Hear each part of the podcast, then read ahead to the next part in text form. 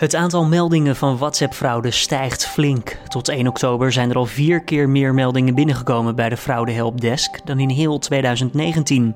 Deze vorm van criminaliteit lijkt daarmee steeds populairder te worden. Dit wordt het nieuws. Dit is niet een hele geavanceerde vorm van cybercrime. Dit is eigenlijk een babbeltruc. Zoals je die ook vroeger aan de deur, of nog steeds, uh, nou misschien nu met corona niet zo, maar uh, zoals je die vroeger aan de voordeur kon krijgen. Michel van Eet is dat, hoogleraar cybersecurity aan de TU Delft. Hij vertelt zometeen meer over WhatsApp-fraude en het voorkomen daarvan. Maar eerst kort het nieuws van nu. Mijn naam is Julian Dom en het is vandaag maandagmiddag 12 oktober. De GGD's hebben in de afgelopen 24 uur 6854 nieuwe positieve coronatests geregistreerd. Dat meldt het RIVM maandag. Daarmee is na door premier Mark Rutte als cruciaal bestempelde weekend geen afvlakking te zien. Minister Hugo de Jonge van Volksgezondheid zei donderdag dat als het aantal nieuwe gevallen niet afneemt, het kabinet genoodzaakt is om aanvullende maatregelen te nemen.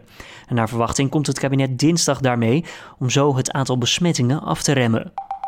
Als de huidige trend in het aantal stijgende coronabesmettingen doorzet, is eind november 75% van de reguliere zorg afgeschaald. Die verwachting spreekt Ernst Kuipers, voorzitter van het landelijk netwerk Acute Zorg, maandagmiddag uit. Op dat moment zouden er ruim 4500 coronapatiënten op een gewone verpleegafdeling in het ziekenhuis liggen. En daarbovenop nog eens 1300 COVID-19-patiënten op de intensive care. Het gaat hierbij volgens Kuipers om het meest pessimistische scenario. De voorzitter noemt het dan ook hard nodig dat het kabinet extra maatregelen neemt. Als voorbeeld noemt hij het enkel noodzakelijk reizen met het OV. De rechtbank van Amsterdam heeft Shazad H. bij verstek negen jaar cel opgelegd voor de ontvoering van zijn inmiddels zesjarige dochter Insia. Dat gebeurde in 2016. Het meisje werd meegenomen naar India en zij en haar vader bevinden zich nog altijd in dat land. De moeder van Insia vertelde bij de behandeling van de zaak dat ze haar dochter al vier jaar niet heeft gezien en zei verder dat ze zich afvroeg of ze haar dochter sowieso ooit nog eens zou zien. Als Formule 1-coureur Alexander Albon zijn stoeltje bij Red Bull Racing na dit seizoen kwijtraakt, dan kiest het team van Max Verstappen als vervanger voor Nico Hulkenberg of Sergio Perez. Dat zegt topadviseur Helmut Marko. De 24-jarige Albon rijdt sinds halverwege 2019 voor Red Bull, maar hij komt nog niet in de buurt van het niveau van Max Verstappen. Red Bull Racing zal uiterlijk bij de race van Istanbul, die op 15 november verreden wordt, de knoop doorhakken. Burgemeester Ahmed Abutaleb van Rotterdam is positief getest op het coronavirus. Een woordvoerder van de gemeente laat weten dat de 59-jarige burgemeester milde klachten heeft. Abutaleb blijft zeven dagen in isolatie en zal vanaf het huis doorwerken. De Rotterdamse burgemeester sloot zich onlangs aan bij dringende advies van premier Mark Rutte om in openbare binnenruimtes toch een mondkapje te dragen. En dan door naar ons gesprek van vandaag. Internetfraude. Ja, het aantal gemelde gevallen van WhatsApp-fraude is ten opzichte van vorig jaar flink gestegen. Tot 1 oktober dit jaar zijn er inmiddels vier keer zoveel meldingen binnengekomen als in heel 2019 bij de Fraude Helpdesk. Het gaat dit jaar in totaal al om 9605 meldingen van fraude en 1154 mensen zijn ook daadwerkelijk slachtoffer ervan geworden. Over deze vorm van criminaliteit praat ik met Michel van Eten. Hij is hoogleraar cybersecurity aan de TU Delft. Meneer Van Eten, moeten we deze aantallen nu al zorgwekkend noemen? Nou ja, dat betekent dat steeds meer mensen slachtoffer worden. Dus in ieder geval, in die zin is het zorgwekkend. Uh, ik vermoed dat hier ook corona doorheen speelt. Mensen ontmoeten elkaar minder fysiek. Um, het is gewoner, noodzakelijker om dingen online af te handelen. Nou, dat uh, introduceert ook meer mogelijkheden voor criminelen om in die communicatie uh, uh, verwarring te zaaien en hun, ja, hun eh, babbeltrucs te verkopen. Hoe makkelijk is WhatsApp-fraude dan voor criminelen? Want we zien een enorme stijging. Is, het dan, is de instapcurve echt, nou, ligt die bij de grond zo ongeveer? Ja, die is een, dat is inderdaad precies uh, uh, goed getypeerd. Hè. Dit is niet een hele geavanceerde vorm van cybercrime. Dit is eigenlijk een babbeltruc Zoals je die ook vroeger aan de deur, of nog steeds, uh, nou misschien nu met corona niet zo, maar uh, zoals je die vroeger aan de voordeur kon krijgen, er is niet heel veel voor nodig. Hè. Een crimineel, um, laten we zeggen het allersimpelste model is, een crimineel begint gewoon lukraak WhatsAppjes te versturen vanaf een anonieme simkaart naar andere nummers en opent gewoon met een praatje over, dit is mijn nieuwe nummer en probeert vanaf daar verder te komen. Uh, ja, daar is geen enkele drempel. Hè. Je haalt een anonieme simkaart, uh, dat kost bijna niks en je, je begint berichtjes te sturen. Hoe komen zij dan aan die mobiele nummers? Proberen ze dat ook gewoon of halen ze die ergens anders vandaan? Ja, dan, dan kun, daar kun je al uh, wat onderscheid gaan maken in, in hoe dit precies functioneert. Dus we, we, we, weten het niet precies, maar je kan je voorstellen dat je, dat je sommige nummers online kan vinden. stel je voor uh, MKB'ers bijvoorbeeld hebben nog best wel eens een 06-nummer op hun site staan als contactpunt. Uh, kleine ondernemers. Dan heb je vaak ook al een naam meteen erbij. Dan kun je al iets gerichter uh, instappen met het praatje. ik vermoed dat zij ook nog wel een beetje rondzoeken op sociale media naar nummers. je hebt allerlei webpagina's waar je contactgegevens van mensen kunt opvragen. En nou ja, dan is het daarna een beetje met een schot hagel te werk gaan. En net zo lang proberen tot er iemand antwoordt. Dus dat, ik vermoed dat zij dat met, uh, met duizenden pogingen doen. Uh, en daar hoef je maar een paar mensen van te hebben waar je aan de eerste reactie kan merken: oh, dit is potentieel kansrijk. Omdat ik blijkbaar net op het goede knopje gedrukt heb. Hè, bijvoorbeeld, ik, noem, ik, ik doe mezelf voor als de zoon of de dochter of iets dergelijks. Want die informatie kunnen ze dan weer van die sociale media halen omdat ze de naam kennen, bijvoorbeeld. Dat, ja, ja, als je inderdaad, stel even, je hebt een nummer van een kleine ondernemer te pakken, die zoek je daarna op Facebook op. Dan zie je vast dat hij heel uh, trots is en uh, posts uh, van zijn kinderen heeft geliked. Nou ja, dan heb je al genoeg informatie om in ieder geval een paar zinnen, een, paar, een deel van een gesprek, plausibel te kunnen fingeren dat jij inderdaad de, nou ja, de zoon of de dochter van het slachtoffer bent. Nou lijkt het alsof je zou denken van... hey, het is een onbekend nummer, uh, vreemde situatie... mijn zoon of dochter of kennis, die zal dit toch niet zomaar appen. Uh, gaat het dan echt uit van gewoon goed vertrouwen... of gaat het ergens anders mis dat mensen denken van... hé, hey, dit klopt, ik maak geld over... of ik klik op een linkje... of ik doe wat deze persoon van dit onbekende nummer mij vraagt? Ja, ik denk dat het een, optelsom is... Uh, sowieso heb je gewoon een bepaald deel van de, van de bevolking die minder argwanend is van nature. Dat is gewoon zo. Daar, dat zit in die mensen hun persoonlijkheid ingebakken. Dat zien we ook in andere vormen van, van uh, criminaliteit. dat zijn ook de mensen, dan nemen we even een heel extreem voorbeeld, die trappen, ook kunnen trappen in die hele absurde uh, vorm van oplichting. Waarin iemand zegt: Hallo, ik ben uh, prins Abdullah uit Nigeria en ik heb nog 20 ton aan goud liggen in een Zwitserse kluis. En jij moet mij helpen dat te gaan verplaatsen. Nou ja, de meeste mensen schieten al in de lach als ze het zien. Uh, maar er is een extreem klein percentage van mensen die, ja, waar dan de argwaan niet afgaat. Um, nou, als je dat nu doet in zo'n context als met die WhatsApp-fraude en het, uh, het verhaal is al iets plausibeler, dan heb je al een wat grotere groep mensen die daar potentieel uh, voor de bijl gaat. Voeg daar nog eens bij dat mensen ook gewend zijn dat die communicatie verloopt met horten en stoten. Het is niet totaal onredelijk dat iemand zegt: Ik heb een nieuw nummer. Dat gebeurt. Dat is iets wat je in je dagelijks leven kan tegenkomen. Niet elke dag, maar het is ook niet heel raar. Uh, en voeg daar dan nog eens bij dat uh, er vaak tijddruk wordt uh, geschapen. Er zit altijd in dat verhaal de noodzaak om nu snel die persoon te helpen.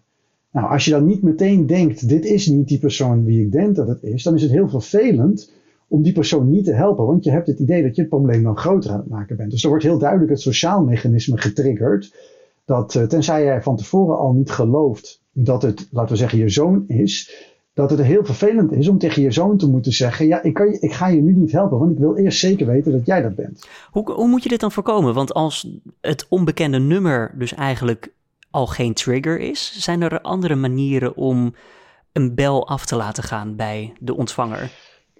Nou ja, kijk, de meeste mensen trappen hier niet in. Dus meestal heb je toch genoeg van die kleine signalen van dit klopt niet. Inderdaad, uh, uh, oké, okay, er komt een nieuw nummer, dat kan, maar dat is al vrij uitzonderlijk, dat gebeurt niet zo, zo vaak.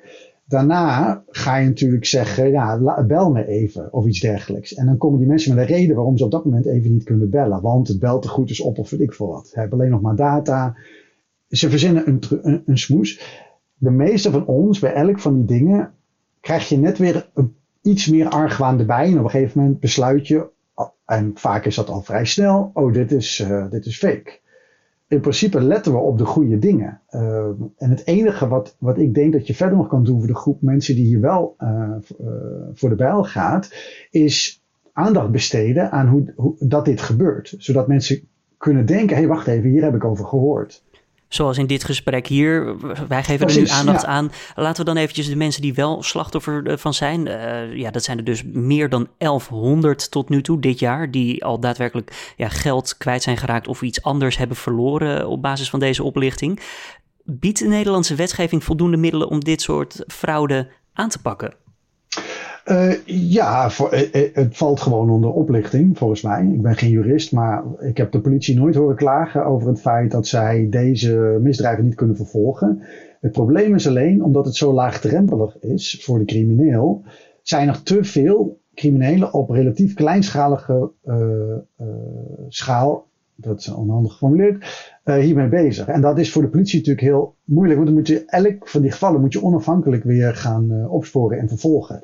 En dat, ja, dan, dan zal de politie en ook het Openbaar Ministerie uh, als eerste tegen ons zeggen: ja, je moet niet verwachten dat wij aan deze mensen kunnen oppakken. Je moet toch uiteindelijk jezelf beschermen door oplettend te zijn. Maar het lijkt er wel op alsof deze manier van criminaliteit voor ja, misdadigers in ieder geval loont. Ja, voor een bepaald uh, deel van uh, de criminele populatie, om het zo maar even te noemen, uh, loont dit. En dat, dat hoort een beetje bij de opkomst van zo'n nieuw verdienmodel, zo'n crimineel verdienmodel. Dat werkt een tijdje goed en dan gaan er allerlei nieuwe criminelen gaan denken, oh dat werkt, want dat hebben ze dan van iemand gehoord. Hè. Vaak krijgen ze ook zo training van elkaar. Um, er zijn er criminelen die het een poosje hebben gedaan, die gaan vervolgens dat niet meer zelf doen, maar die gaan andere criminelen opleiden en laten zich daarvoor betalen. Dat is heel slim, want het is namelijk minder risicovol, want jij pleegt de misdaad niet, dus jij blijft uh, buiten beeld. Oftewel, er komt een soort piramidestelsel van bovenaan de top en daaronder laagjes, laagjes, laagjes. Ja, ja zo gaat het exact. En, en hier is het natuurlijk is niet superveel over te leren. Dit is een soort babbeltruc. Met dus, het is bijna soort telefoonscript uh, wat je afloopt.